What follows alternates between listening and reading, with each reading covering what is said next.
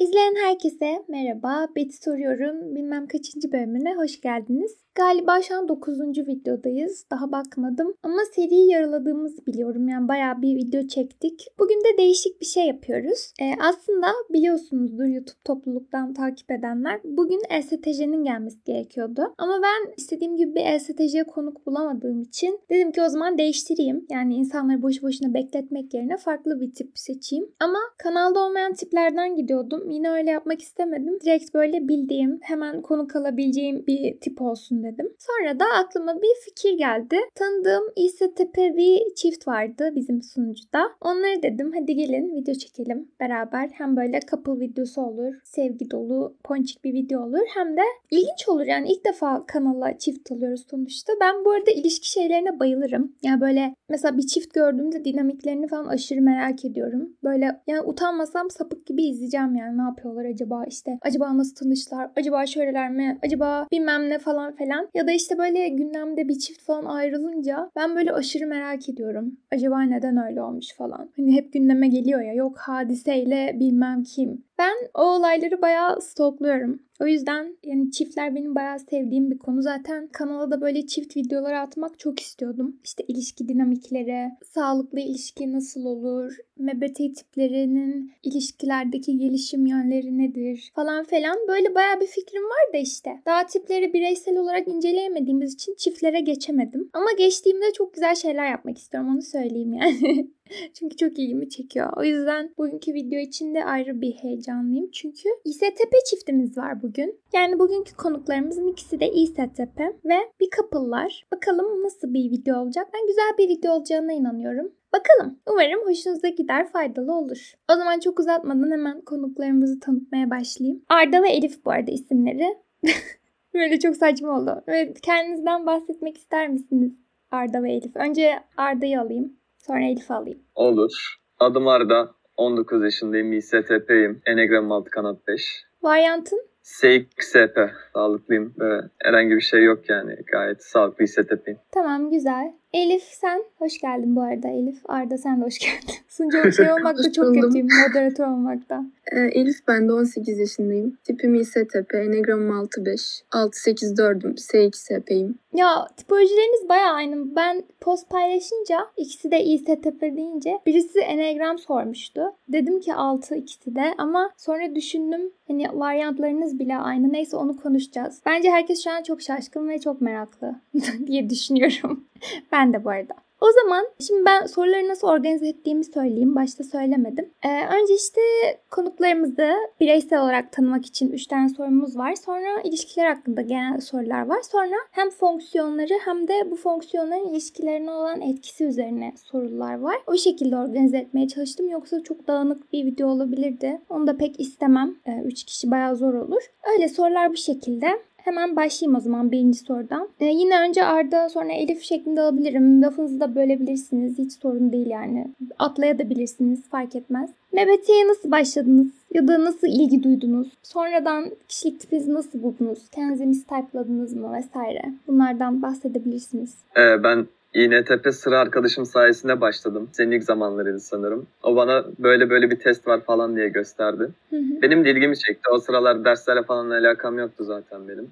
Dedim eve gidince ben bunları yapayım dedim. İşte 16P testiyle başladım. Böyle çözdüm ama sürekli o testi çözdüm ben yani. Başka hiçbir şey çözmüyordum uzun bir süre. Orada sürekli böyle moduma göre farklı bir tip çıkıyordum. Moralim bozukken farklıydım. Moralim düzgünken böyle farklıydım. Ona göre çıkıyordu yani. Hı hı. Ondan sonra bana fonksiyonlar var diye bir şey attı böyle. Ben ona test sonuçlarımı atıyordum. Ondan sonra ben de o fonksiyonlara baka baka böyle ele ele bu bende var bu bende yok diye diye en son böyle ISTP çıkmıştım net bir şekilde. Zaten sunucuya geldikten sonra da tescillendi yani benim ISTP hmm. oldu. Mistype'lamadın yani 16P hariç. Evet 16P hariç yok. 16P'de ben ENTP ve INTC mistype'lanmıştım. Güzel. Elif sen nasıl başladın? Herkes gibi ben de 16 Personalities'le başladım. Bana da bir arkadaşım göstermişti. Testi gösterdikten sonra bana şey dedi. İSTP çıkacağını tahmin ediyorum bir çözsene dedi. Ben de bilmiyorum tabii merak ettim İSTP ne demek falan hiç haberim yok. Sonra çözdüm testi İSTP çıkınca daha da bir merak sardı böyle nasıl bilebiliyor ki falan evet. benim tipimi diye. Oradan da mistype'lanmadım yani 16 Personalities'in yaradığı oldu bana. İlk mistype'ımı hiç yaşayamadım. Hiçbir zaman mistype olamadım. Neyse sonra eve gidip araştırdım fonksiyonları. Direkt senin kanalını buldum bu arada. Aa. Böyle YouTube'da MBTI yazınca direkt sen çıktın ama daha o zamanlar tabii fonksiyon videon falan bile yok. Böyle giriş yapıyorsun yavaş yavaş. Ya. Sonrasında videolar yüklenince öğrendim ben de. Oradan sunucuya geçtim. Devam geldi öyle. Anladım. Ay şeye çok mutlu oldum. İkiniz de böyle bulmuşsunuz kanalımı falan. Zaten başka çareniz yok yani MBT yazınca. Şey o çıktığı için benim kanalım. Ya, o zamanlar tanışmıyoruz bu arada. Biz yani MBTI bildikten sonra tanıştık. Ha evet onu ne zaman sormuşum. Neyse onu da konuşacağız. Çok merak ediyorum bu arada. ben o kısmı bekliyorum. Neyse. Ee, şimdi şey- şeyi sormak istiyorum. Böyle ikinizin de ayrı ayrı yapmaktan hoşlandığı, işte sevdiğiniz aktiviteler, işte hobiler neler yani ne seversiniz? Ne yapıyorsunuz günlük hayatınızda? Bunu merak ediyorum. Ee, ben başlayayım o zaman. Aha. Genelde satranç oynamakla vakit geçiriyorum böyle evde olduğum zamanlarda. Böyle internet üzerinden satranç oynuyorum. Onun dışında böyle canım çok sıkıldığında masa başında oturmaktan dışarı çıkıp koşu yapıyorum, ip atlıyorum. Böyle bazen sırf zevkine yani hobi olsun diye. Böyle şınav, mekik tarzında böyle ev içinde canım sıkılmasın diye. Bu tür spor hareketlerini yapıyorum. Onun dışında müzik dinliyorum. Ve günümün zaten geri kalan kısmı da uğraşacak bir şeyim varsa onunla ve Elif'le konuşmakla, muhabbetle geçiyor. Ya Bu çok şekilde. güzel. Bu arada şey, lisede misin Arda sen? Üniversite mi? Benim lise bitti ben üniversiteye başlayacağım. Ne kazandın? İstersen bu videoda yer almaz ama merak ettim. Işık Üniversitesi Yönetim Bilişim Sistemleri kazandım ben. Ha tamam yönetim bilişim sistemleri arkadaşım da o bölümde. Güzel ya bu arada hobilerin çok güzel. Ben de keşke canım sıkılınca şınav mekik çeksem yani. Benim canım sıkılınca yaptığım şeyler çok e, fiziksel aktiviteden bayağı uzak yani. Ama çok imreniyorum yani ESTP ve İSTP'lere. İşte böyle spor yapmayı sevdikleri için, hareket etmeyi sevdikleri için falan. Yapmak isterdim yani. Çok benim için şey. Keşke yapabilsem. Neyse. Elif sen neler seversin? Nelerden hoşlanırsın? En çok hoşlandığım şey aslında tenis oynamak. İki sene kadar oynadım ama sonrasında sınav senem geldiği için artık bırakmak zorunda kaldım. Bırakınca da zaten eski kondisyonum hiçbir şeyim kalmadı yani. iki sene orada oynadım. Sonra bir sınav senesi girdi. Sıfırladı gibi bir şey oldu böyle beni. O yüzden şimdi daha çok pilates yapıyorum. Pilateste biraz güçlendikten sonra işte böyle aletli yaptığım için kasları falan daha fazla güçlendirip şekle soktuktan sonra hı. tekrar tenise döneceğim eskisi gibi oynayabilmek için falan. Ya Yani bunları yapıyorum. Bunun dışında bazen böyle çok arada sıkıldığım zaman Japonca falan çalışıyorum da öyle çok da iyi değilim. Yeni yeni başlıyorum ona. Öyle benim. Aa, çok güzel. Bu arada ben de Japonca öğreniyorum. Eğer böyle yardıma ihtiyacın falan olursa şey yaparız yani. Ortak bir noktamız varmış Elif. Ve tenise de Öyle devam olur. edersin umarım. çok güzel. Ya hobilerinizde de ortak nokta var. İkiniz de böyle şey seviyorsunuz. Sporsal aktivite. Ona ne denir? Sportif aktivite aynen. Güzel o yüzden. Ve ilk şeyin kategorinin son sorusu. Şimdi İSTP olmak genel olarak nasıl bir şey? Böyle sorunca insanın kafasında hiçbir şey canlanmadığını biliyorum. Ama yani İSTP olmayı nasıl tanımlarsınız? Onu merak ediyorum. İkiniz de ayrı ayrı. Biz genel olarak zaten şöyle bir baktığımız zaman sadece bu soruya hazırlanma gereksinimi hissettik diyebilirim ben. Evet, Çünkü böyle insan kafasında cidden hiçbir şey canlanmıyor böyle sorunca. Hı hı. Ama ben bir cevap verecek olsam yani stres eşiğinin çok yüksek olması diyebilirim belki. Böyle çok çok yüksek. Kolay kolay stres olmamak denebilir. Böyle. Düşük F sebebiyle insanlarla uyum konusunda bazen sıkıntılar yaşadığımız oluyor. Hı hı. Ama bu bizim genel olarak alışıldık bir şey olduğu için bu konuda da endişe, kaygı yaşamıyoruz. Ki zaten TS kombinasyonunda bizim ilk iki fonksiyonumuzda çevreyle uyum konusunda bize çok çok yardımcı olduğu için böyle anlık olaylarla, durumlarla mücadele etme konusunda genel olarak başarılıyız diyebilirim ben. Orada sıkıntı çıkaracak bir tek ni konusu var. O da zaten sağlıksız durumlarda ortaya çıkıyor. Aynen. Yoksa genel olarak o da bize bir vizyon sağlıyor diyebilirim. Şeyi merak ettim. Hani İSTP olmak hakkında konuşuyoruz ama mesela stres eşiği yüksek dedin.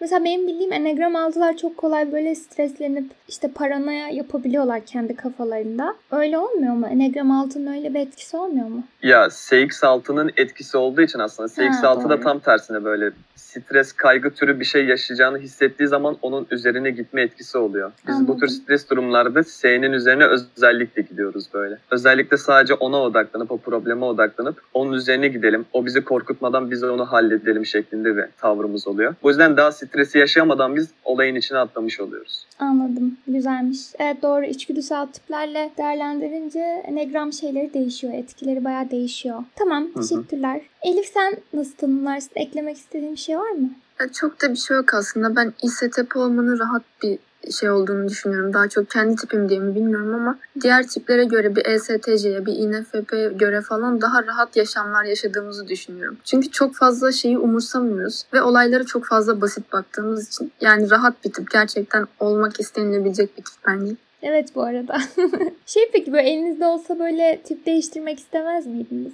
Başka bir tip fonksiyon. Hmm. Ben şahsen istemezdim. Anladım. Ya bu arada şey belki bu S'dendir bu kadar böyle chill olmak, sakin olmak. Bilmiyorum. Gerçi sizin de ni fonksiyonunuz var ama işte o intuitive şey fonksiyonlar ilk iki sırada olduğu zaman mesela ben NFP'yim. Yani SFP olmayı deneyimlemeyi çok isterdim. Yani S fonksiyonum keşke olsaydı. O yüzden ben de hep böyle S olan S fonksiyonu taşıyan, taşıyan değil de ilk ikide kullanan tiplere bayağı imreniyorum yani. İse tip olmayı denemek istemezdim muhtemelen. Çünkü T hakkında hiçbir fikrim yok. Ben T'yi pek anlamıyorum yani dürüst olmak gerekirse. Hani böyle oturup üzerine çalışmasam çok şey yapamazdım, anlatamazdım. Yani o yüzden evet İSTP olmak beni biraz korkutuyor ama SFP, İSFP denemek isterdim. Evet konu buraya nasıl geldi bilmiyorum. Ee, siz olmak Bizde istemez de aynı şekilde. Sizde fi aynı Biz de şekilde. fi'yi çok kolay açıklanamıyoruz. Aynen. Hmm, Anlayamıyoruz çok fazla böyle. Bu videoda Sisteme bize ilginç geliyor. yok. Aynen. F, fi ve ne korkutuyor beni de daha çok. Anladım. Bu videoda o zaman biraz şey yapabiliriz belki. Ben sizi anlarım, siz beni anlarsınız. Öyle bir şey olabilir. Zaten ileride konuşacağız. İşte anlaşabildiğiniz tipler, anlaşamadığınız tipler ya da fonksiyonlar vesaire. Tamam o zaman şimdi ilişkinizle ilgili sorular soracağım. Heyecanlandım. Hazır mısınız? Hazırız. Tamam. Hazır. Şimdi siz İSTP'siniz ve insanlar sanıyor ki işte İSTP'ler her zaman mantıklıdır. Her zaman duygularını tutarlar. O kadar fazla duygularını tutarlar ki işte romantik bir ilişkide olmakta zorlanırlar. Ya da işte romantik bir ilişkide olsalar bile sevgilerini hissettiremezler. Birbirlerine değerlerini gösteremezler. Bu yüzden işte ilişkileri çok iyi gitmez. Ya da işte böyle işte böyle şeyler söylüyorlar. Yani genel olarak zaten İSTP stereotipini biliyorsunuz. Nasıl bir tip olarak algılandığını. Ee, ama siz bir ilişkide olarak bu şeyi kırıyorsunuz. O yüzden bayağı bir soru geldi ilişkiniz hakkında. Ama ben bunları eledim ve ilk olarak şeyi sormak istiyorum. Nasıl tanıştınız? Ve duygularınızı nasıl birbirinize itiraf ettiniz? Nasıl açıldınız yani? Ben başlayayım o zaman. Tamam. Ee, biz sunucuda tanıştık ilk olarak. Yani sunucunun zaten ilk günü ikimiz de sunucudaydık, girdik yani. Ve sunucunun ilk günden itibaren biz ikimiz de İSTP olduğumuz için şey yapmaya başladık. Böyle ortak noktalarımızı falan saymaya başladık. Böyle ne kadar ortak noktamız var diye. Ya ileride belki bunun cevabını veririz kaç tane olduğunu ama bayağı bir ortak noktamız çıktı. Hı hı. Zaten sonra Elif özel olarak bir şey yazmıştı özelden bana. Özelden konuşmaya başladık bir yandan.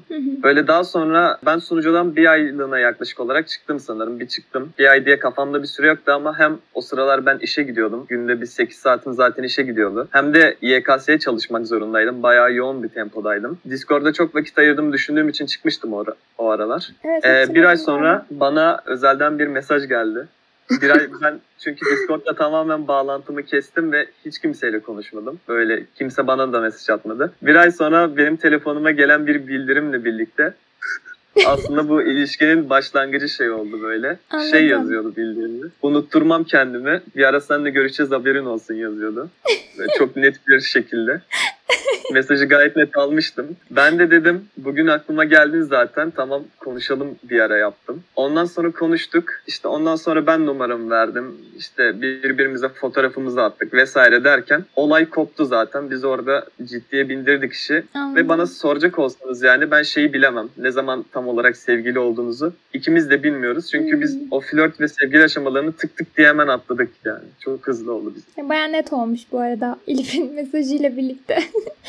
Anladım. Elif sen senin açından nasıldı? Ya da anlatmak ister misin? Yoksa bir şey soracağım. Ya şu Hı. e, şu şey çok saçma geliyor bana. Mesela duygularını ifade etmezler, saklarlar gibi şeyler saçma geliyor. Çünkü ben kendimde hiçbir zaman bunu yapmıyorum. Birinden hoşlanıyorsam o kişi bilsin hoşlandığımı. Aynı şekilde hoşlanmıyorsam yine bilsin. Mesela o yani yazdığım mesajda da çok net. Böyle birinden hoşlanıyorsam ya da hoşlanmıyorsam direkt olarak bir mesajla, bir mimikle, bir şeyle belli ederim yani. Bu S'den ve F'den kaynaklanıyor olabilir. Hı hı. Ama o stereotip yanlış kesinlikle belli etmezler duygularını falan. Yok öyle böyle bir şey. Anladım. E bu arada siz sexsiniz, sexualsınız. Belki onun da etkisi vardır. Çünkü bildiğim kadarıyla sexual'lar böyle çok e, kimya odaklı, hani bağ odaklı oluyorlar. Hani birileri hakkındaki işte enerjiyi, duyguyu onlarda nasıl hissettirdiğini falan. Onunla da bağlantısı olabilir. Çünkü ikiniz de bayağı şeymişsiniz. Net böyle hani sanki böyle ne hissettiğinizi bilir gibi. Bu arada o nasıl oldu? Yani Arda sende de öyle miydi? Böyle hani, hani birinden hoşlanınca falan hemen tamam ben hoşlanıyorum falan diyebiliyor musun normalde? Evet çok net bir şekilde diyebiliyorum ya. Elif'e karşı isterim ben çok net anladım yani. Hiç tereddütüm olmadı o konuda. O yüzden çok hızlı ilerledik biz zaten Anladım. böyle. Ya ne güzel. Hiç ya. arada acaba hoşlanıyor muyum, hoşlanmıyor muyum gibi kafa karışıklığı hiç yaşanmadı bizde. Çok iyi. Ve yani fi kullanmıyorsunuz. Bu çok şey bir şey yani. Biz stereotipi daha kırmış olduk böylelikle. Ya keşke tüm insanların şeyi böyle net olsa kafası çünkü çok çektiriyorlar yani karşı cinslerine ya da işte kiminle ilişki yaşıyorlarsa. Çünkü bayağı gençlerimizin kafası karışık yani duygular konusunda diyeyim. Bayağı sorun çıkıyor. Çok güzel maşallah. Güzelmiş. Teşekkür ederiz. Şimdi şeyi sormak istiyorum. Şimdi ikiniz de İSTP'siniz ya. Altıncı soruyu atladım bu arada. Ya insanlar şey görüyor olabilir. Aa işte bunların ikisi de İSTP. Varyantlarına kadar aynı kişilik tipleri var. Sıkıcı değil mi? Ya da ne bileyim çok fazla benzerlik olması sanki böyle kendinle ilişki yaşıyormuşsun gibi hissettirmiyor mu falan diye düşünüyor olabilirler. Ki ben de düşündüm, düşünürdüm yani bu arada. Hatta düşündüm. İlk defa görüyorum yani bu kadar benzerliği olan insanın şey sevgili olduğunu. Onu merak ettim. Yani sizin bakış açınızdan o benzerlik ne ifade ediyor ya da şeyi nasıl açıklarsınız mesela benzerlikleriniz ve farklılıklarınız. Özellikle farklılıklarınız. Yani şöyle aslında bence çok güzel bir şey benzer olmamız. Çünkü şöyle bir şey var bizde. İkimiz de aynı anda bazen aynı şeyleri söylüyoruz. Hatta son bir hafta, iki hafta içinde bu çok çok sıklaştı yani. Sürekli aynı anda aynı şeyi düşünüyoruz. Aynı şeyi söylüyoruz. Aynı şakayı yapıyoruz. Ve tepkilerimiz bazen aynı oluyor. Her şey aynı oluyor yani. Anladım. O çok değişik hissettiriyor kişiye yani. Bir yandan da şeyi anlıyorsun yani.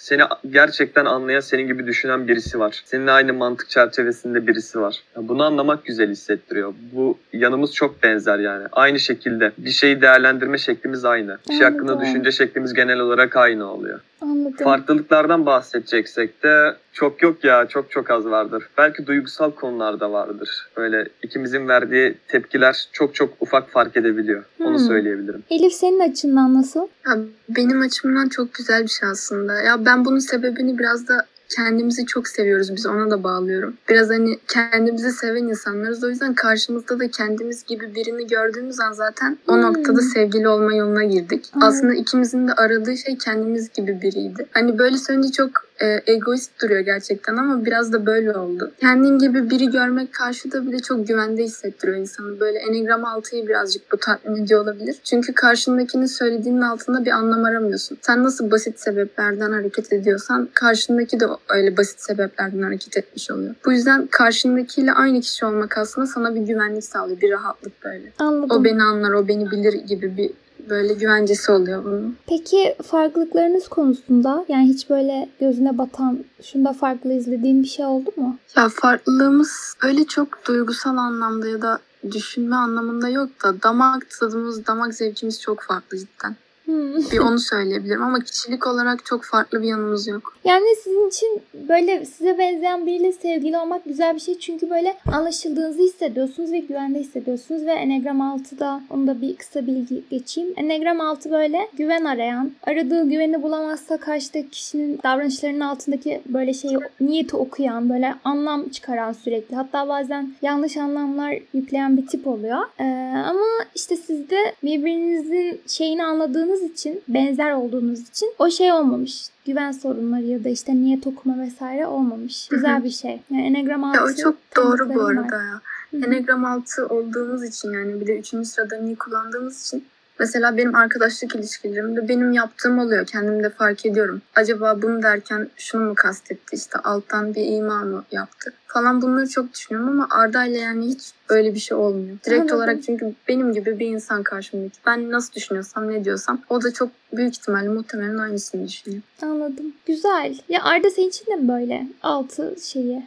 Enneagram 6 durumu. Evet, Enneagram 6 ve 3. Ni kombinasyonu böyle bir şey sebep oluyor böyle. Diğer arkadaşlık ilişkileri olsun, aile ilişkilerinde olsun böyle. Altta bir ima arama kısmı mutlaka oluyor. Genelde çünkü bu tür ilişkilerde sağlıksız duruma evrilme bence çok daha basit oluyor. Çünkü sürekli yanında olan, sürekli iletişimde olduğun birisi ve normalden çok daha rahat konuşuyorsun böyle o kişilerle.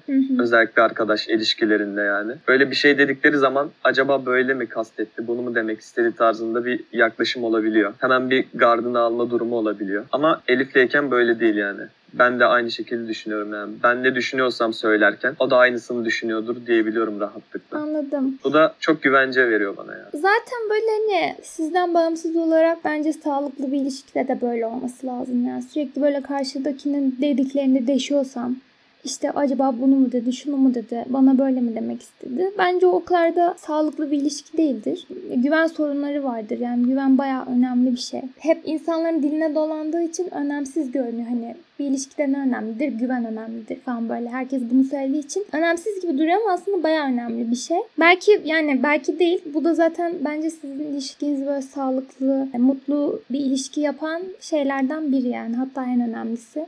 Onun yanında mesela anlayış, birbirini anlamak falan da bayağı önemli bir şey. Mesela bazı insanlar böyle deli gibi aşık oluyor ama işte ne bileyim çok sorunları oluyor. Birbirlerini anlamıyorlar. Ben o yüzden aşkın böyle her şeye yettiğini düşünmüyorum. Hani bazen mesela aşk, sevgi bunlar az olsa bile güven ve anlayış olduğu zaman o aşk böyle canlanabiliyor hani yoktan var olabiliyor. Ama sadece aşk diğer ikisini var etmeye yetmeyebiliyor bazen. O yüzden yani bayağı şanslısınız bu şeyi yakaladığınız için. Bu kimyayı mı diyeyim? Bu dinamiği. Evet katılıyorum. Bu arada ben şeyi merak ettim. Siz böyle sevgili olmadan önce falan yani hiç böyle birbirinizi tanımadan önce kafanızda böyle ideal bir şey var mıydı? Ee, mesela bu MBTI çiftleri var ya ben şeyi çok e, ilgimi çekmişti. İşte ENFP, INFC, ENFP, işte INTC falan. Ben bunları bayağı araştırmıştım. Çünkü merak ediyordum. Acaba benim tipime nasıl bir ideal şey veriyorlar? pair veriyorlar, pairing veriyorlar. Ee, sizde böyle var mıydı? Yani ben işte STC'leri severim, SFC'lerle çıkarım falan. Böyle bir şey var mıydı? Yani yoktu diyebilirim öyle kafamda net şu şu tipler olması gerekiyor, şu, şu tipler olursa kesinlikle güzel olur tarzında kafamda bir şey yoktu benim. Ya iyi ki de İSTP İSTP olmuş yani şöyle baktığım zaman. Anladım. Böyle hiç anlama şey yok yani problemi yok. Gayet iyi. Elif sende de mi böyle?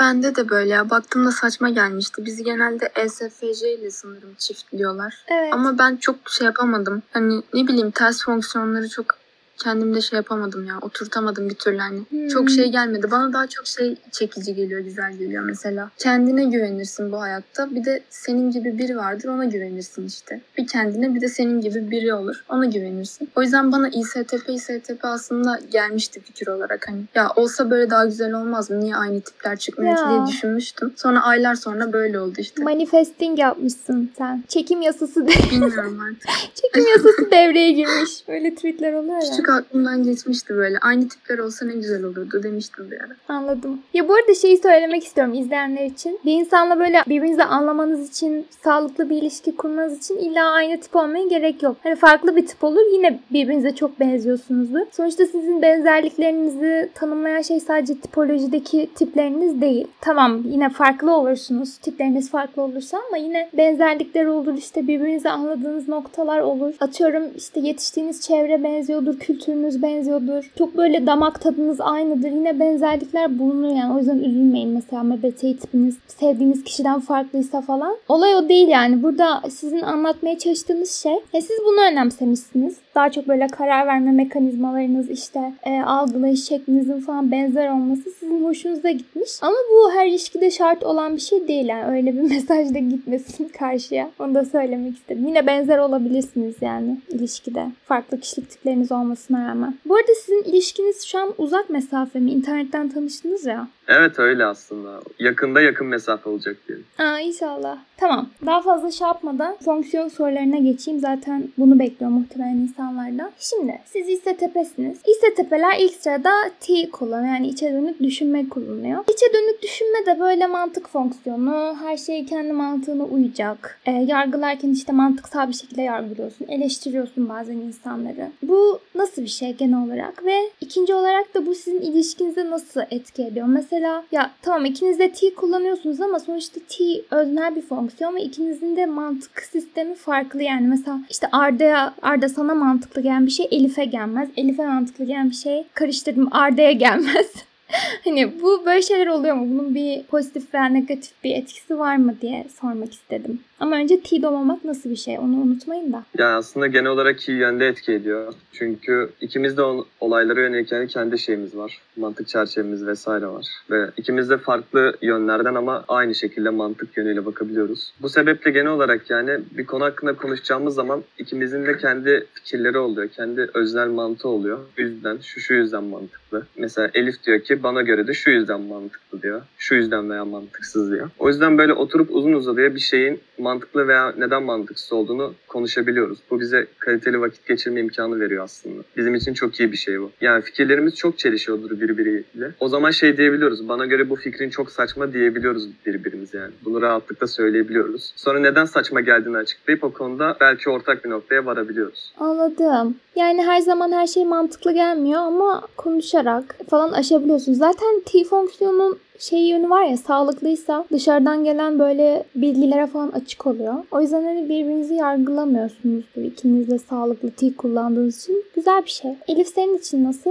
Kullanmak e, özellikle dominant olarak kullandığımız zaman diğer insanlarla ilişkilerimizde sıkıntı çıkarabiliyor. Yani en azından benim için arkadaşlık ilişkisinde, aile ilişkisinde sıkıntı çıkarıyor. Çünkü bulduğum mantık hatalarını ya da bana mantıklı gelmeyen şeyleri direkt olarak söylediğimde bunu hiç yumuşatmadığımda insanlar çok büyük tepkiyle karşılayabiliyor bunu. Hani nasıl bunu bu ortamda nasıl söylediğini falan diyorlar. Yani böyle düşünsen bile biraz yumuşatsaydın keşke diyorlar. Biraz hmm. daha böyle büküp söyleseydim diyorlar. Ama bu ilişkide biz bunu yaşamıyoruz. Çünkü ikimiz de pat pat ortaya söylüyoruz düşündüğümüzü. Hiç uzatma faslı olmadan böyle kenarından köşesinden hiç dolaşmadan istediğimizi söylüyoruz. Bence bu bu mantıklı diyoruz. Karşımızdakini dinliyoruz. Sonra ortak bir noktada paydada buluşuyoruz zaten. Azıcık bile F kullansak yakın bir yere geliyoruz böyle mantık olarak. Çok da zaten uzak yerlerden başlamıyoruz. Anladım. Uzak bir konudaysak bile hani farklı düşünüyorsak bile çok azıcık böyle birazcık karşımızdakine empati yapsak yapsak zaten ortada buluşuyoruz. Çok sıkıntı olmuyor. Ama dediğim gibi diğer insanlarla cidden zor oluyor bu. Yani size bir özgürlük veriyor aslında. İkinizin de T kullanıyor olması. Çünkü böyle yumuşatmaya çalışmıyorsunuz. Ya bu arada bilmiyorum sizin hiç NFP tanınız var mı ama ben İZTP'lerle Elif o dediğin sorunu çok yaşıyorum.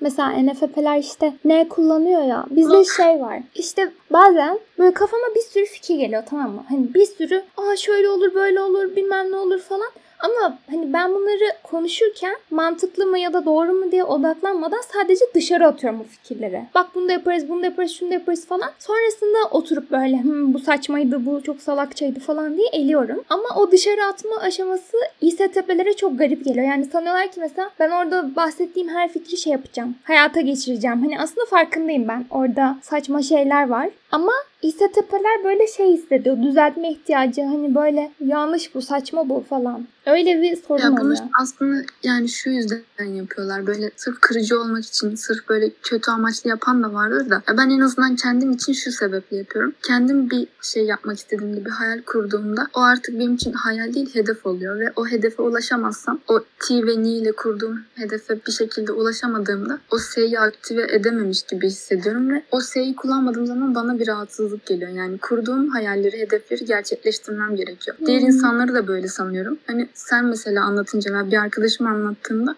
sanki o da anlattığı şeyi yapamazsa üzülecek, yıkılacak gibi benim gibi sanıyorum ama aslında öyle bir şey yokmuş. Ben onu çok sonradan öğrendim. ENTP arkadaşımla. Aa, o sadece anladım. anlatmaktan da keyif alıyormuş.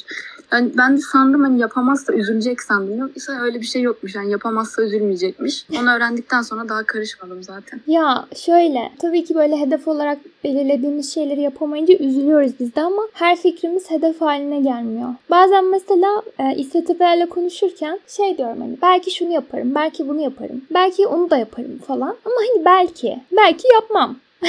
Ama karşımdaki kişi için o böyle sanki yapılacakmış gibi algılıyor onu ve bu yüzden yapamazsın ya da şurası çok saçma falan demeye başlıyor ama orada orada hani konuşuyoruz.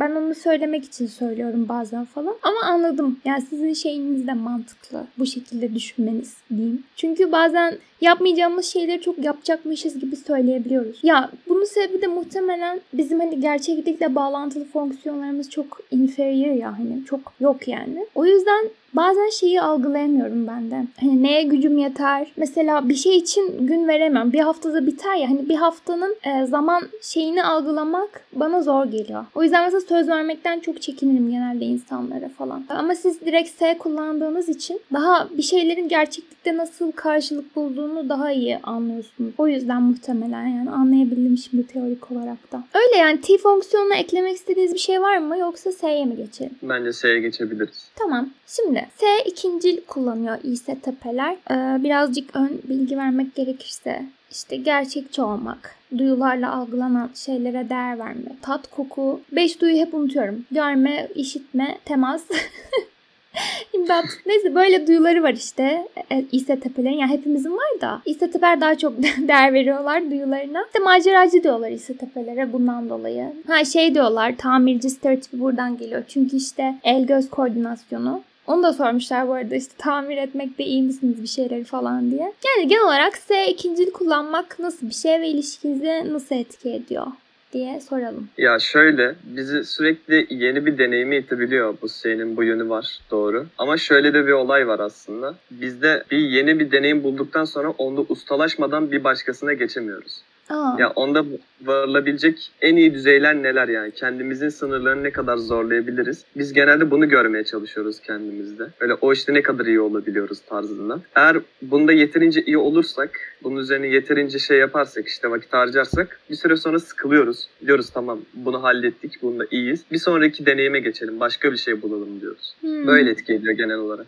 Anladım. Derinleşme ihtiyacı T'den geliyor olabilir mi? Hani Büyük ihtimalle. O şeyi her... Onun hakkında her şeyi bilme ihtiyacından. Aynen. Yani onu tamamen kavrama. Evet. Her şeyi bilmek. Mesela bu iğne tepelerde de var ama onlar ne kullandıkları için e, bazen ne biraz önüne geçebiliyor yani T'nin. Hani atlayabiliyorlar onlar da farklı şeylere. Ama evet T öyle bir özellik veriyor. Elif senin için nasıl? Benim için düşündüğüm veya mantıkta oturtabildiğim şeylerin sadece öyle kalmamasını sağlıyor. Bir şeyleri yapmak için bana ittirici güç veriyor gibi. Yani bir şey düşündüm. Tamam bu mantıklı bunu yapayım dedim.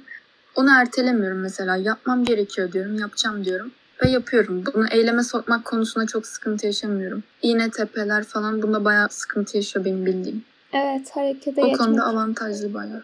Aynen. Ya bir de şey çok hoşuma gidiyor. Mesela loop'ta olmadığımız sağlıklı halimizde yüzeysel bakıyoruz ya böyle insanların dediklerine, yaşanan olaylara bu böyledir deyip mantığını oturtturduktan sonra çok fazla altında debelenip zaman kaybetmiyoruz. Bir sonraki hedefe geçebiliyoruz. Bir sonraki olaya. Böyle çok zaman kaybetmiyoruz. Zaman kazanıyoruz gibi geliyor bana. Anladım. Çok güzel özellik bu arada. İlişkide de şey yapıyoruz mesela buluştuğumuz zaman yaptığımız aktiviteler daha çok böyle sözel, fikirsel şeyler tartışmak yerine daha çok eylem odaklı oluyor. Mesela gidip ip atlıyoruz. En son buluşmamızda oturup böyle ip atlamıştık kalkıp böyle gidip göle boncuklu tabanca sıkmıştık. Çimlere yatmıştık. Yürümüştük, etmiştik. Böyle fiziksel şeylerle aşırı mutlu olabiliyoruz. Mutlu olmanın yolu çok basit bir şeyden geçiyor. Çok iyi fikirler bulmamıza gerek yok. Çok müthiş şeyler tartışmamıza da gerek yok. Direkt ise aktivitesi yaptığımız zaman mutluyuz otomatik olarak. Güzel oluyor yani. Anladım. Çok güzel bu arada. Sen deyince aklıma geldi. Mesela ben şeyi hiç sevmem. Ve kaçarım yani. Öyle bir date'ten ya da arkadaş buluşmasından. İşte bisiklet binelim. Yok işte koşalım. Dans edelim. Aklınıza gelebilecek fiziksel ne varsa ben hepsinden kaçtım hayatım boyunca. Hiç sevmedim yani. Sevmiyorum. Ama mesela şeyi düşündüm. Hani dedin ya basit şeylerden geçiyor. Aslında benim için de basit şeylerden geçiyor şey olarak. İşte ben de mesela fikir konuşunca falan mutlu oluyorum. Ya da herkes oturup duygularını paylaşsın işte. Herkes değil ikili bir ilişki ise. Sözel olsun. Onun haricinde temas hoşuma gidiyor ama e, ya bu benim için şey bir şey. Yeterli bir şey yani. Zaten fikir konuşmak ya da ne bileyim fikir bulmak konusunda bir sorun yaşamadığım için benim için böyle. Ve şey bana çok tuhaf geliyor mesela. Muhtemelen size de benim şeyim çok tuhaf geliyordur. Sizin böyle işte ip atlamanız, her şeyin böyle fiziksel olması falan bu bana çok uzak geliyor yani. S olmadığı için bende. Güzel bir şey ama. Yani imrendiğim bir şey bu fiziksel aktivitelere değer veren insanlara bayağı imreniyorum. Ve yine konudan çıktım. Ne diyecektim? Sizinle ilgili bir şey diyecektim de unuttum. Tamam o zaman ben şöyle anladım. Yeni deneyimler seviyorsunuz sevden dolayı. Sonra e, bir şeyleri pratiğe dökmenize yardımcı oluyor. Yani fikir fikir olarak kalmıyor ve bu çok güzel bir şey bu arada. Ben bunu muhtemelen T ile yapıyorumdur. Ve dediniz ki buluştuğumuzda falan fiziksel aktiviteler yapıyoruz. Bir de ben şeyi merak ediyorum. Bu S'ye gerçekçi diyorlar ya. O sizde de öyle mi? Yani kendinize böyle gerçekçi der miydiniz? Öyle ben derim açıkçası gerçekçi insanlarız böyle. Odaklanmış insanlarız daha doğrusu ya. Böyle belirsizlik ve ihtimaller bizim şeyimiz değil yani. Düşüneceğimiz, üstüne kafa yormak isteyeceğimiz şeyler değil. Biz belirli olanın üzerine gitmeyi, onun üzerine uğraşmayı, onda ustalaşmayı, onunla ilgilenmeyi daha çok seviyoruz. Ancak böyle net bir şeyde ustalaştıktan sonra tamam şimdi başka bir somut şeyin üzerine uğraşalım şeklinde ilerliyoruz. Bizi yoruyor belirsizlik, Anladım. ihtimaller. Arda bu arada tamir edebilmekte iyi misin bir şeylere? Bunu merak etmiş insanlar. bir yöntemle çözülebilecek böyle mesela YouTube videosu izleyip bir şey tamir edebileceksem evet onlarda iyiyim mesela. Mekanik Onu yapmayı şeyler. seviyorum direkt olarak hatta. Güzel bir şey bence. Benim babam da İSTP bu arada ve bir şey bozuldu mu hiç böyle yenisini falan almayız. Onu tamir eder. Bayağı hoşlanıyor yani. O dediğin işte YouTube'dan izleyip bakarak tamir etmekten falan.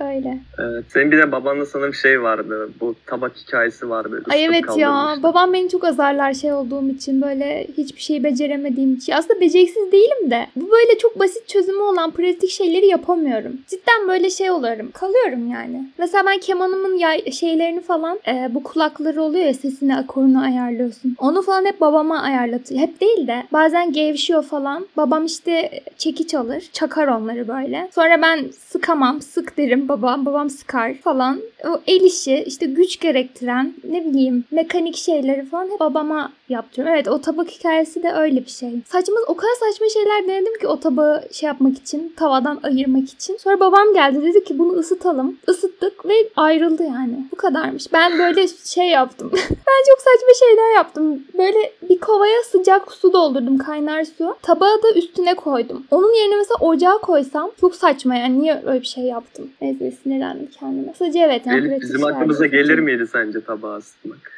Gelirdi ya. Sanki gelirdi bence. Her eve lazım ya istatistikler. Bu, buna karar verdim şu anda. Tamam o zaman ni fonksiyonuna geçelim. Der misiniz? Ekleyeceğiniz bir şey yoksa. Yok geçebiliriz. Şimdi ni fonksiyonu ya S neyse ni de onun tam tersi içe dönük ön sezi. S mesela nasıl duyulara, gerçekliğe, pratikliğe falan odaklanıyorsa ni de böyle elle tutulmayan sezgilere, ne bileyim gelecek hakkındaki düşüncelere.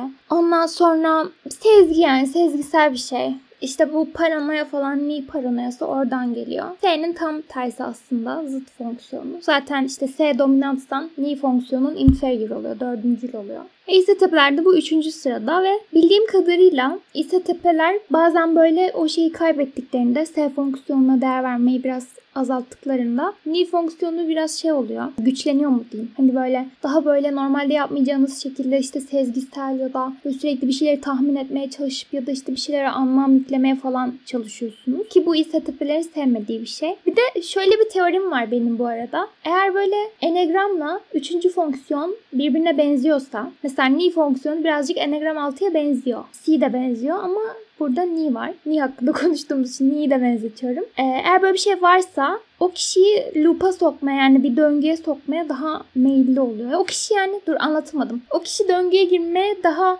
meyilli oluyor. Çünkü enegramın üçüncü fonksiyonunu tetikliyor ve onu strese sokuyor gibi bir şey düşünmüştüm. Gerçi buna sonradan geliriz de önce ben şeyi sorayım.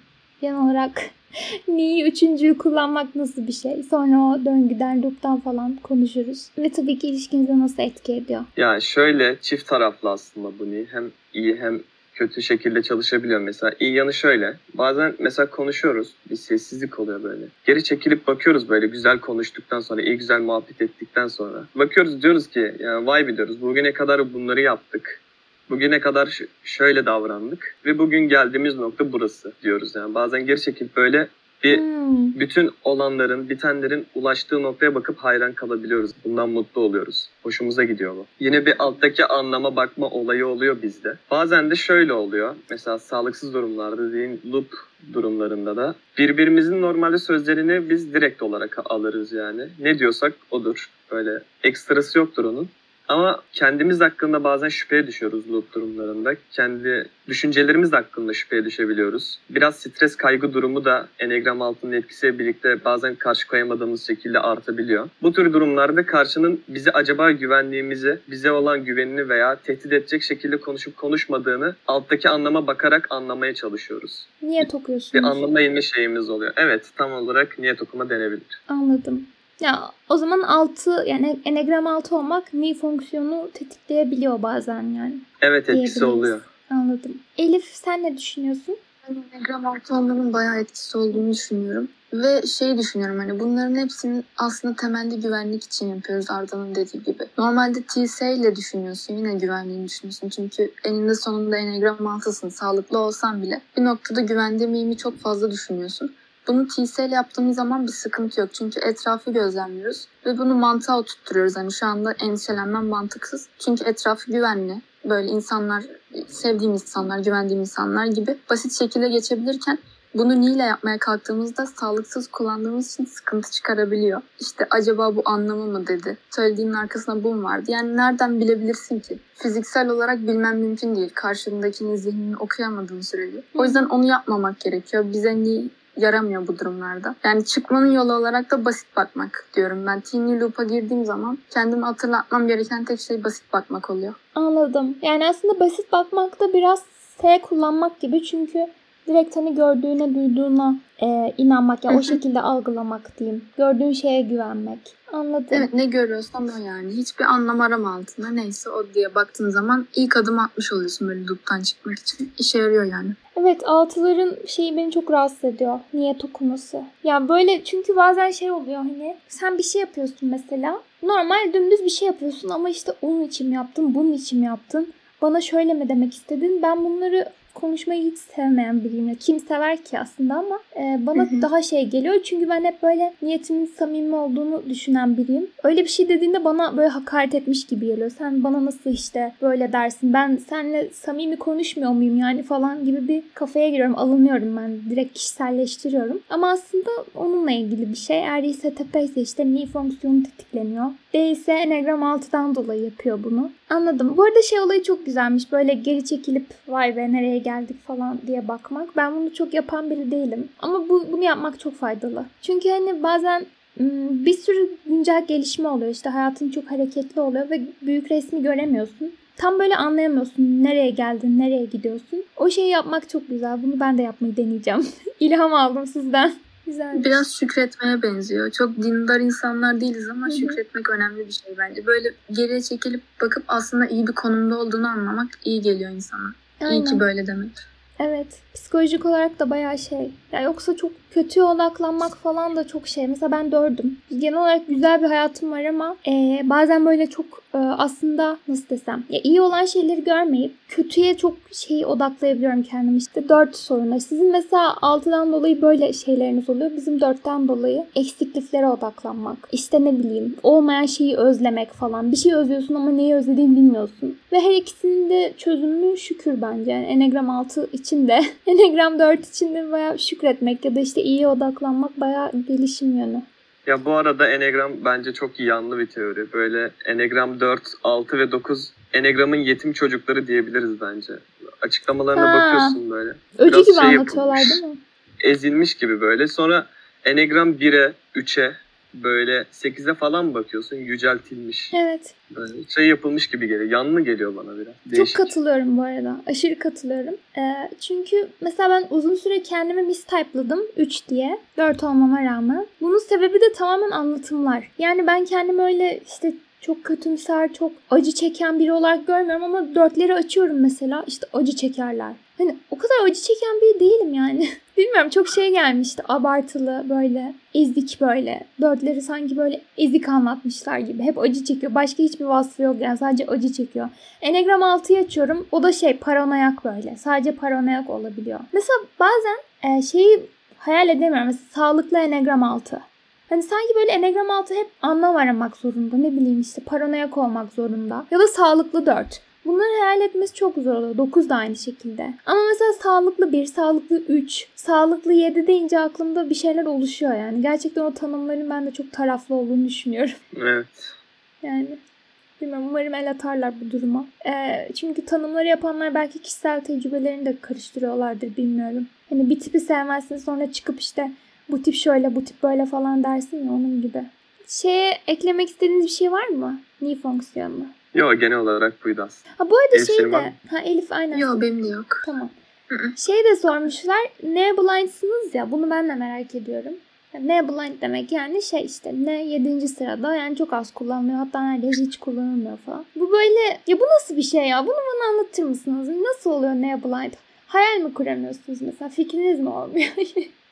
çok merak Ya ediyorum. şöyle ben anlatayım. Heh. Bu olasılıklar örneğin varsayımlar, bu belkiler yani belki şöyle olabilir, belki böyle olabilirler. Bizim düşünce yapımıza uygun değil. Bize öyle gelmiyor. Hmm. Yani bizim gitmemiz gereken tek bir nokta var. Gidilmesi gereken tek bir yön var. Yani ve oradan gidilmeli. Mantığımız bu şekilde işliyor. Biri bize belkilerle geldiği zaman ya şöyleyse ya böyleyse ya böyle olsaydı şeklinde geldiğinde biz afallamış hissediyoruz böyle. Şey diyoruz ama öyle olmadı ki diyoruz. Ama öyle Hmm. olamaz ki diyoruz. Biraz senin de o İSTP'lerle yaşadığın sorunlar gibi realist yaklaşıyoruz ister istemez. Böyle yaşandı, şu an böyle yaşanıyor, ileride de böyle yaşanacak. Hep tek bir noktaya bağlı kalarak ilerliyoruz. Ve Anladım. bu yüzden bize neyle gelenler, ne fonksiyonuyla, varsayımlarla gelenler bizi rahatsız ediyor. Diyoruz ki hayır öyle bir şey olamaz diyoruz mesela. O noktada uyarıyoruz neye kullananları. Yani kafamı mı karıştırmaya çalışıyor acaba şeklinde bir düşüncemiz bile olabiliyor bizim yani. Hmm. Varsayımlarla gelerek nereye çekmeye çalışıyor acaba diyoruz.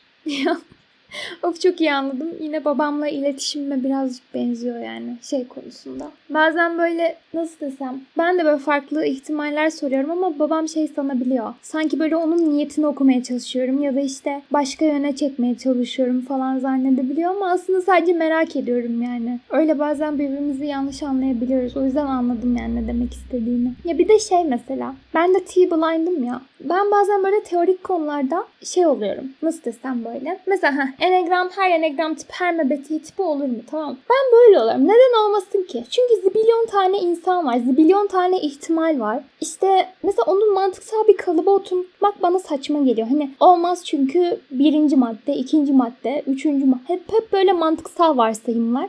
Ben de mesela bunlardan çok rahatsız oluyorum. Çünkü bana da böyle pratikte bir karşılığı yokmuş gibi geliyor. E, hem pratikte karşılığı yok hem de nasıl bilebilirsin ya? Ya şöyleyse ya böyleyse ya o mantık şeyin yanlışsa. Çünkü teorik bir şey sonuçta. Ve bu yüzden işte çok şey diyen olmuştu hani. Aa işte T-blind düşünemiyor. Çünkü her T-blind salak olmak zorunda. Neyse. Yani anlayabiliyorum. Benim blind'ım da bir şekilde etki ediyor. Bu arada ondan da rahatsız oluyor musunuz? Böyle teorik şeylere değer vermeyen insanlar. Çünkü T kullanıyorsunuz. Yani bir noktada evet aslında olabiliyoruz yani. Çünkü sonuç olarak örneğin senin verdiğin enegram örneği bu ikisi de bir sistem yani ve sistemlerin birbiriyle bağlantıları olabilir. Hı hı. Yani işin biraz derinine indiğin zaman böyle biraz daha teorik kısmı kurcaladığın zaman belki de bir şey gerçekten bir şeyle uyuşmuyor olabilir. O yanlış noktayı yakalamak belki de gereklidir. O teoriyi tam olarak anlayabilmek için. Anladım. Onun belki de içine girmemiz gerekiyordur yani. Onu biraz kurcalamamız, oradaki yanlışlığı bulmamız gerekiyordur. Ki zaten T'nin genel işleyişi hep bu şekildedir böyle. Mesela baktığımız zaman biraz kafa açayım bari. Böyle T'ye bakarsak T biraz daha bilimsel yöntem şeyle hareket ediyor. Böyle bilgiyi al ve kullanım alanını incele. Nasıl kullanabileceğine bak. Tam bilimsel yöntemin şeyi. T'nin kullandığı nesnel yöntem yani. Ama T'ninki böyle değil. Elif'le daha önce konuşmuştuk. Bu Karl Popper'ın yanlışılabilirlik ilkesi var mesela. Evet. Şey örneği var. Dünyadaki tüm kuğular beyazdır. Mesela bu bilgi tanımlandıktan sonra bir T kullanıcısı örneğin bunun nasıl kullanılabileceği, bunun ne işe yarayacağını araştırırken bir T kullanıcısı o noktada durup mesela tüm kuğuların beyaz olduğu kanısına nasıl vardık? Mesela bunu kullanmadan önce bir tane bile siyah kuğu bulsak bu bütün teorimizi Evet. çürütmez mi tarzında bir bakma ihtiyacı hissediyor. Ben böyle bakıyorum. Birebir bu şekilde. Yani T'nin genel olarak mantığı bu şekilde. Bunu işlemeden önce bir bakmamız gerekiyor. Bunu bir incelememiz gerekiyor. Bunu biz bir yönteme önce oturtalım. Tüm kuğuların beyaz olduğundan emin olalım. Ondan sonra geçeriz yönteme. Acelemiz yok. Önce kendi kafamızda bunun bir oturması lazım şeklinde düşünüyoruz. Hmm. Ve bütün hayata bakışımız bu şekilde yani aslında. Bizim dünyayı görüş şeklimiz bu şekilde. Az önce dediğin ya siyah kuğu varsa şeyi e, T miydi T miydi? Onu tam anlamadım. O T yani oradaki bir yanlışlığın teoriyi çürütebileceğinden tamamen kafamızdaki mantığın yanlışlayabileceğinden korkuyoruz. Bunu düşünüyoruz. Bu Bu sebeple o siyah kuğuyu bir bulalım en azından diyoruz yani var mı? Önce bütün bir kuğulara bakmamız lazım. Ancak ondan sonra şeye geçelim diyoruz yani. İşin işleyiş kısmına, man, fayda kısmına geçelim diyoruz. Bunun kafamıza tam olarak oturması için o siyah kuğunun olup olmadığını bizim bilmemiz lazım. Hmm, anladım. Ya şöyle mesela bunu enegram mebeti olayına uyarlarsak ben de mesela ya siyah kuğu varsa şey oluyorum hani ya böyle imkansız bir kombinasyon varsa kafasına giriyorum. Ama böyle asıl değer verdiğim şey ya o T'den dolayı değil de daha çok ihtimallerin genişliğinden dolayı ve şöyle düşünüyorum. Her iki teoriden de verim alabilmek için bunları kısıtlamamak lazım teorik varsayımlarla. Çünkü çünkü eğer gerçekten imkansız bir kombinasyona sahip biri varsa böyle teorik bir varsayım koymak onun o teoriden alabileceği verimi kısıtlayabilir. Ben de mesela böyle bakıyorum. Yani aslında orada değer verdiğim şey ne? İhtimallerin genişliği. İşte ya siyah kuğu varsa e, ama mesela hiçbir şekilde var olduğuna dair işte teorik kanıtmanız aramıyorum. Sadece varsa deyip orada kalıyor mesela. İkinci olarak da T. Yani bunun işe yaraması için buna teorik bir kısıtlama koymamamız gerekiyor diye düşünüyorum mesela. Ama hiçbir şekilde böyle derinliğe ineyim yok argüman bulayım. Mesela bana diyorlar ki argüman ver. Vermeyeceğim. Ya çünkü argümana gerek görmüyorum anladın mı? Böyle çok şey geliyor bana argüman ver. Ben 500 tane de argüman versem bu hep teoride kalacak. Ve teoride kaldığı sürece de hiçbir işe yaramayacak bana göre. Bu da benim T-blindlığımı, işte N dominantlığımı, işte üçüncül T'mi falan açıklıyor herhalde. Öyle düşünüyorum ben de. Elif senin söylemek istediğin bir şey var mı? Ne blindlık ve işte neydi diğer konuştuğumuz şey? Yani T-blind insanlar hakkında. Ya T-blind insanlar genelde benim düşünce tarzıma falan böyle iyi bakan insanlar. Böyle çok T'den rahatsız olmuyorlar gibi geliyor bana. Çok işlerine karışmadığım sürece falan. Ama e, ne blind insanlara ben baktığım zaman ben de onlardan birazcık aslında etkileniyorum. Biraz şaşırıyorum hani bu kadar çok fikri nasıl aynı anda şey yapabildin, ortaya atabildin. Yani onların şeyi çok fazla oluyor. Beyin fırtınası olayı fazla oluyor. Ben ona çok yetişemiyorum açıkçası. Beni birazcık garip hissettiriyor. Yani yanlarında konuşurken düzeltme, araya girme ihtiyacı hissediyorum. Hani bunu dedin ama bu bu yüzden olmaz. Başka bir şey düşün demeye çalışıyorum. Hmm. O müdahaleyi ben yapmazsam T-Blind'lar da bana böyle mantıklı konuşmaya çalıştığımda, argüman ürettiğimde bir müdahale yapmazsa anlaşabiliyoruz ama çok şey olmuyor. Konuşma çok uzun süreli gidemiyor. Çünkü bir noktada ya ben ona karışıyorum. Bir T-Blind'da işte şurası mantıksızdı diye düzeltme ihtiyacından dolayı karışıyorum. Ya da o bana karışıyor işte şu fikri niye hiç düşünmedin falan diye. Çok fazla ne attığı zaman. O yüzden çok uzun soluklu konuşamıyoruz ama saygı falan her şey olduktan sonra böyle kısa süreli konuşmalar olabiliyor. Sıkıntı olmuyor. Anladım. Evet şu an o kısa süreli konuşmalardan birindeyiz. Bir ne dominant ve ne blind. T dominant ve T blind. Yani ben de az önce anlattığım gibi bende de aynı şeyler oluyor yani. Çok ilginç ya böyle açıklayabilmesi MBT'nin. Bazen böyle tuhaf geliyor bazı şeyleri açıklaması.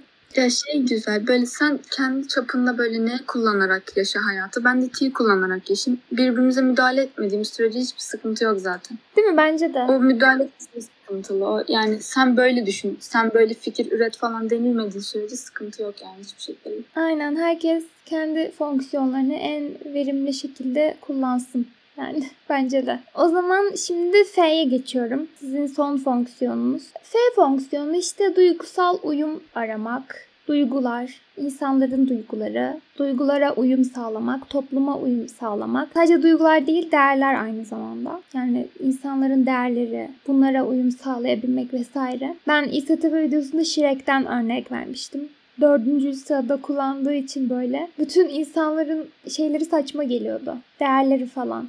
Ya da işte mesela onu böyle zararlı sanmaları ona saçma geliyordu. Onların düşüncelerini yargılıyordu. Hep de işte bataklıkta yaşıyordu tek başına falan. Sonra işte ESFC Fiona ile evlenip onun ailesine uyum sağlamak zorunda kalmıştı ve o da saçma gelmişti. Mesela şey diyordu. Niye hani düğün yapıyoruz ki? Neden mesela ailem beni tanımak zorunda ki? Niye böyle oraya gitmek zorundayız ki falan. Sürekli böyle tartışıyorlardı falan ama zamanla uyum sağlamayı öğreniyordu. Öyle yani Şirek örneği aklıma geldi şimdi. Sizde nasıl oluyor dördüncü F ve ilişkinize nasıl etki ediyor onu sorayım. Ya biz bu noktada eksik olduğumuzun farkındayız. Bizde yani TF ikilemi ortaya çıkıyor aksis olarak. Ya mantığımıza doğru gelen şeyi, bize doğru gelen şeyi açık bir şekilde söyleyeceğiz böyle. yani veya toplumsal uyum, işte insanlar bizi çok şey yapmasın, yargılamasın, bizi doğru anlasınlar diye biraz daha yumuşatarak söyleyeceğiz. Bunun ikilemi yaşanıyor bizde. Acaba bunu böyle değil de böyle mi söylesek diye. Aklımızdan bir iki saniyeliğine de olsa bu geçiyor. Ama birbirimizde en azından garipsemiyoruz biz bunu. Yani pat diye ortaya söylüyoruz yani. Bu bana saçma geldi. Bu saçma. Bence bu böyle değil falan. Demekte hiç zorlanmıyoruz. Ama diğer insanlar yani bizi direkt söylediğimiz zaman bencil işte şey olarak yargılayabiliyor. Soğuk böyle uyumsuz olarak nitelendirebiliyor ama yani böyle sonuç olarak aklımızda bu böyle yatmış. Biz de bunu direkt olarak aklımıza nasıl yattıysa öyle söylüyoruz. Anladım. Senin fikrin bana saçma geliyorsa saçma geliyor yani. Ben bunu direkt söylüyorum. Ha, kötü tabii insanların bizi bu yüzden uyumsuz olarak sıfatlandırdığını biliyoruz ama yapacak bir şey yok. Anladım. Bir noktada hayata bakışımız böyle çünkü. Evet doğru söylüyorsun bu arada. Bir şey diyeceğim de önce Elif konuşsun. Elif sen ne düşünüyorsun inferior F hakkında? Ya inferior ve diğer insanlarla cidden sıkıntı çıkaran bir şey durum. Konuşurken yani bir insana gidip şey diyemezsin öyle kolay kolay. Dediğinde sıkıntı çıkar. Ben ben bu düşünceni saçma buldum. Saçma düşünüyorsun falan dediğin zaman insanlar otomatikman bunu muhalefet olmak, Evet. kötü bir şey yapmak gibi algılıyor. Özellikle Ama Türkiye'de. aslında yani olması gereken bir şey. Hani nasıl şey diyebiliyorsam rastgele bir insana, arkadaşıma bu dediğin çok mantıklıydı diyebiliyorsam bu dediğin çok saçmaydı da diyebilmeliyim aynı şekilde. Yani bence o yüzden şeffaf olunmalı bu konuda. Mantıksızsa mantıksız geldiğin insanlar birbirine söylemeli. Yani bana söylense ben de mutlu olurum. Ama onu çok özellikle yüksek F kullanıcılarında ya da yüksek fi kullanıcılarında yapamıyorum. Yapamamamın sebebi çünkü daha çok şey boyutuna bakıyorlar hani. Bu uyumu bozacak şimdi. Sen bunu söyledin ama bunu burada söylediğin için uyumu bozdu. Şu an insanları mutsuz ettin falan gibi oluyor. Bu ama Arda ile hiçbir zaman böyle olmadı yani. Hiçbir zaman ben onu eleştirdiğimde şu şu konuda saçma olduğunu düşünüyorum falan dediğimde hiç ters tepki vermedi. Yani aynı şekilde devam ettik konuşmaya o fikir üstünde. O yüzden o inanılmaz kolaylık sağlıyor böyle. Yani ilişkideki en sevdiğim şeylerden biri falan. Öyle alınmaca gücenmece olmadan fikir tartışabilmemiz. Ya şöyle ben bir fi kullanıcısı olarak cevap vereyim. Ben genelde böyle fikrime mantıksız falan dendiği zaman eğer böyle direkt dan diye söylendiyse uyum falan değil de ya da hani başkasına falan dediyse uyumu çok düşünmüyorum da biraz böyle acaba işte o kişi ne hissetti eğer başkasına dendiyse onu düşünüyorum. Bana söylendiğinde de direkt kişi, kişisel algılıyorum. Bunu pek yapmamak lazım. Yani birisi sana mantıksız bu fikrin diyorsa aslında mantıksız olan sen değilsin. Yani senin fikrin mantıksız. Hani direkt senin kişiliğine bir hakaret etmiyor aslında. Tabi burada söyleyen kişinin üslubu da önemli. Sen işte her zaman saçma konuşuyorsun falan derse evet orada bir kişiliğe bir hakaret var ama fikrin mantıksız denmesi bence de çok böyle kişiselleştirilmemesi gerek ya da işte uyumu falan da bence bozmaması gerek yani. Hani bozan bir şey olmaması gerek ama insanlar böyle her şeyi kişisel algılıyor. Yani bazı şeyler kişisel algılanmalı ama bu konuda evet katılıyorum yani bu kadar şey olmamalı. Ee, insanlar bu kadar tepki vermemeli yani. Mesela sizde hani mantıksız gelen şeyleri pat pat söylüyorsunuz ya bende de mesela şey oluyor hani bir şey çok yanlışsa yanlış yanlış olması gözüme batıyorsa mesela ben de onu böyle çekinmeden pat diye söylüyorum ve hani bayağı kırıcı olabiliyorum bazen. İşte bu yaptığın çok ayıp. Niye öyle söyledin? Çok yanlıştı bu. Niye öyle davrandın? Falan gibi. Direkt böyle yargılamaya geçebiliyorum ben de yani. Hani o şeyi düşündüm mesela FT farkı muhtemelen. Ben de değerler konusunda çok hassas oluyorum ya da işte dişlerin yanlış gitmesi falan. Bir de tritype'ımda bir var bu arada. Enegram bir var. o yüzden böyle doğru yanlış şeyim çok hassas. Anlayabiliyorum aslında. Ya benzer bir şey var, sistemi var. Sizin T ile bizim fi'nin. Bir şey daha soracaktım. Ha bu F şeye de etki etmiyor değil mi? Hani birbirinizin duygularını hissetmek, işte değer verdiğinizi hissetmek falan.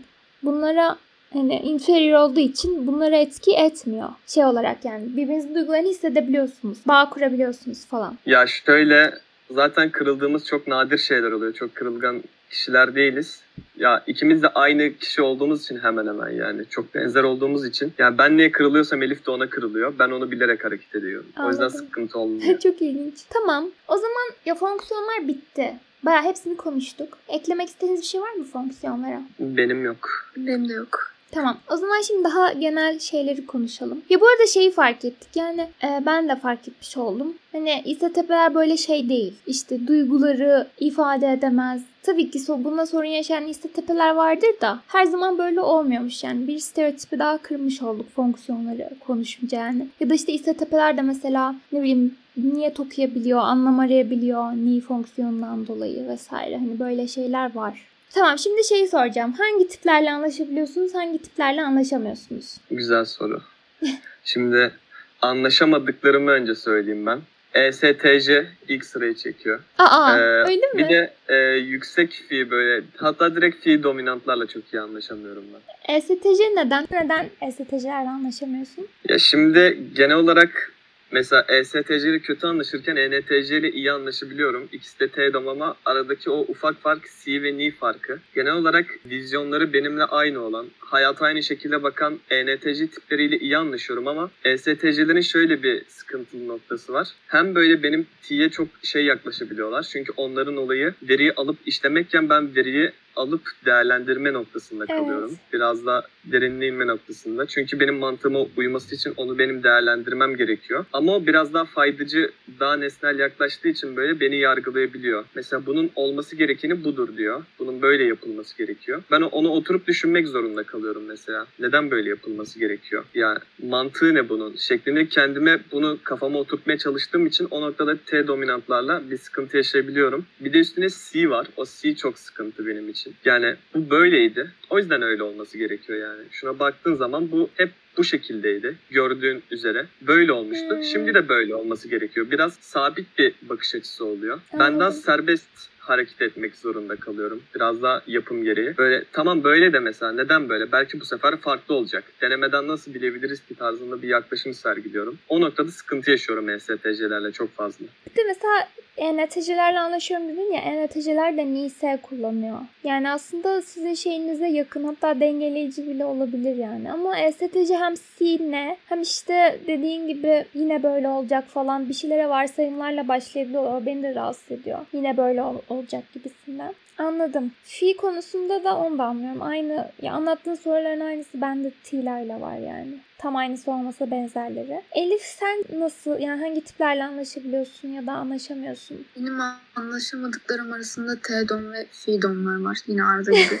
Çünkü T-domlarla anlaşamama sebebim yine belki Enneagram 8 ile anlaşamama sebebimle aynı böyle. Üstümde çok fazla bir hakimiyetleri, bir güçleri. Sanki hani bu böyle yapılması gerekiyor ve bunu asla sorgulayamazsın gibi böyle. Tam bir öğretmen stereotipi ama sağlıksız düşünüyorum tabii ki bunu. Öyle bütün ENTC'lere falan savaş açıyorum gibi değil de yani öyle anlaşılmasın ama sağlıksızlarına denk geldim ben hayatımda. T-domlar ve Fi-domlardan çok yargılandığımı düşünüyorum. Hani biri mantıksal anlamda çok büyük hakimiyet kuruyor üstümde. Diğeri de Fi-domlarda sanki etik anlamda beni yargılayacak. Böyle her dediğimin böyle etik olmasını gerektirecek şekilde konuşmaya beni zorlayacak gibi geliyor. O yüzden kırmayayım, üzmeyeyim diye Fi-domlarla böyle çok dikkatli konuşmam gerekiyor. O beni biraz geriyor. Onun dışında da T-domlarla o anlattığım sebepten yani. Anladım. Peki anlaşabildiğiniz tipler onları söylemediniz. Benim E ENTJ, evet, INTJ ve E söyledin. ENTP. Bir dakika ENTJ, INTJ mi? Evet INTJ. Bir de bazı ENTP'ler. Hmm, Mizamın uyduğu ENTP'ler diye ayırayım şöyle. anladım. N dominant ama T kullandığı için muhtemelen daha yakın hissediyorsun. Evet bir noktada. Bir noktada onların F'si de bir tık düşük olduğu için böyle. Onların ya stereotipik olacak ama mizah anlayışları biraz daha benimkine benzer oluyor. Anladım anladım. Tak diye ortaya koyuyorlar. Elif sen? Ya yine aynı sebepten mizah anlayışından ben bu sefer S-domları söylüyorum. Çünkü benim mizahım böyle daha çok e, şey değil böyle hani çok anlamlı, çok böyle mantıklı mizahlar değil de böyle patlamalı birden hani hiç beklenmedik şeylere çok gülüyorum ben. Hmm. Beklenmedik bir şey yapıldığı anda böyle gidiyorum yani. O yüzden çok S-domlarla anlaşabilirim bu mizah konusunda. Çok ani hareketler oluyor ya onların. Düşen maymun videoları. Gülüyorum. Yapacak bir şey yok. Yani benim benim yaratılışımda da bu varmış. Düşen maymunlara gülüyor. Olsun. Ya bu Ya, arada çok- neye gülüyor musun? düşen böyle şeylere gülüyorum. Düşen, patlayan. Anladım. Bir şey diyeceğim. Şeye gülüyor musunuz? Benim en çok güldüğüm şey şey. Böyle lisedeyken en yakın arkadaşımla ENTC bu arada. Yemekhanede otururduk ve şey yapardık. İşte düşünsene şöyle oluyor falan diye böyle olmayan şeylere gülüyorduk. İşte düşünsene şu adam işte ne bileyim yuvarlanıyor yer. Şu an aklıma bir şey gelmedi şu anda ama hani Aa, o, bilirim onu. Kardeşim sürekli yapıyor. Bu sizin Ya, için Ar- eğlenceli Arda'nın mi? aklına geldi şu an. Ben patlıyorum olduğum yerde şu an. Elif bana cümlesi cümlesine bundan nefret ettiğini söylemişti. Kardeşi yapıyor bunu ve Yani. diyor yani komik de değil diyor. Olmayacak bir şey niye gülüyor anlamıyorum diyor. Ya benim aslında çok nefret etmiyorum. Benim sadece asabımı bozuyor bir noktada sonra. Kardeşim NFP böyle biraz küçük benden oturuyoruz. Şey yapıyor böyle birden hiç alakası yok böyle bir şey bekliyoruz oturup. Diyor ki babam şuradan dans ederek içeri girse çok komik olmaz mıydı abla diyor. Böyle oturup sadece böyle bakıyorum suratına çok asabımı bozuyor. Bir şey diyeceğim şu an bile ben hayal ettim. Babanı hiç bilmiyorum ama dans ederek içeri girmesini hayal etmek ya beni güldürdü. babam iğne tepe. Öyle diyeyim babam iğne tepe. Düşün şimdi. Ay şimdi daha komik oldu. Ya bilmiyorum beni çok güldürüyor ya. Ben hani hep böyle olmayan saçma sapan şeylere gülerim yani hani. Ee, ve hani şey fark etmiştim. Ben de işte İNTC Çağın'la konuşurken gülüyorum ben böyle şeyleri. O gülmüyordu mesela. Ve ben çok şey olmuştum. Aa buna gülmeyen insanlar varmış falan olmuştum böyle. Çünkü benim için en komik şakalar işte mizahlar falan oradan çıkıyor genelde. Yani sevmeyeceğinizi tahmin etmiştim de merak etmiştim sormak istedim yani. Ben de bu arada düşen maymun videolarına falan hiç bilmiyorum. Ya onları kimse gülmüyor benim. A- Arda falan da çok nadir gülüyor yani. O benim zayıf noktam bilmiyorum neyle alakalı ama. Anladım. O zaman şimdi şeye geçelim. Son soru bu arada. Artık bitiriyoruz yavaş yavaş. Kendinizi eşleştirdiğiniz, bana benziyor dediğiniz bir kurgusal karakter var mı? Ya biz genel olarak çok fazla e, dizi film izlemiyoruz. Genelde Elif'le yan yana oturduğumuz zaman anime izliyoruz. Anime karakterlerinden de bazı zaman kendimiz bazı zaman birbirimizi benzettiklerimiz de oluyor. Mesela Elif kendini, ben de Elif'i zaten bu Berserk'ten Guts'a benzetiyorum. Yapı olarak benziyor bayağı. O da beni Levi'ye benzetiyor Attack on Titan'da. Levi'ye benziyor. Yani karakter olarak mı yoksa fiziksel olarak mı benzetiyorsunuz?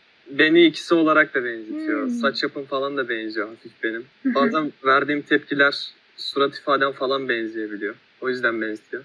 Ben de direkt olarak Guts'ın sinirini benzetiyorum. Elif. Anladım. Peki onların kişilik tiplerine baktınız mı? Birebir uyuyor bu arada tipolojileri. Ay çok tuhaf ya. Elif sen? Ya. Aynı mı? Ya bizim aynı cevabım tek farkımız şey zaten. Tri-Type'daki sonuncu bizim farklı. 6-8-4'üm ben. Arda 6-8-3. Ay, Ya bir tek oradan aynı. farkımız var. O da biraz şey katıyor böyle. Duyguları ne kadar yansıttığını. Arda'nın surat ifadesi falan böyle Levi'inki gibi sürekli düz. Ama ben sinirlendiğimde falan böyle bildiğin ortaya çıkabiliyor. Freedom gibi falan. O Anladım. bakımdan benzetiyorum. Zaten altı sexual. Bildiğim kadarıyla biraz agresif bir tip yani. Hani böyle sinirlenebiliyor, hemen parlayabiliyor falan. Anladım. Tamam o zaman sorularımızı bitirdik. Bu arada bahsettiğiniz karakterlerin hiçbirini bilmediğim için yorum yapamadım. Ben de ne anime izliyorum ne dizi film izliyorum doğru düzgün. Ee, odaklanma sorunum var ve böyle bazen çok şey geliyor. Boş geliyor yani dizi film izlemek. Niye dizi film izliyoruz ki kafasına giriyorum. Ee, o yüzden çok yorum yapamadım. Ama şey, Şey yok mu? Masumlar Apartmanı.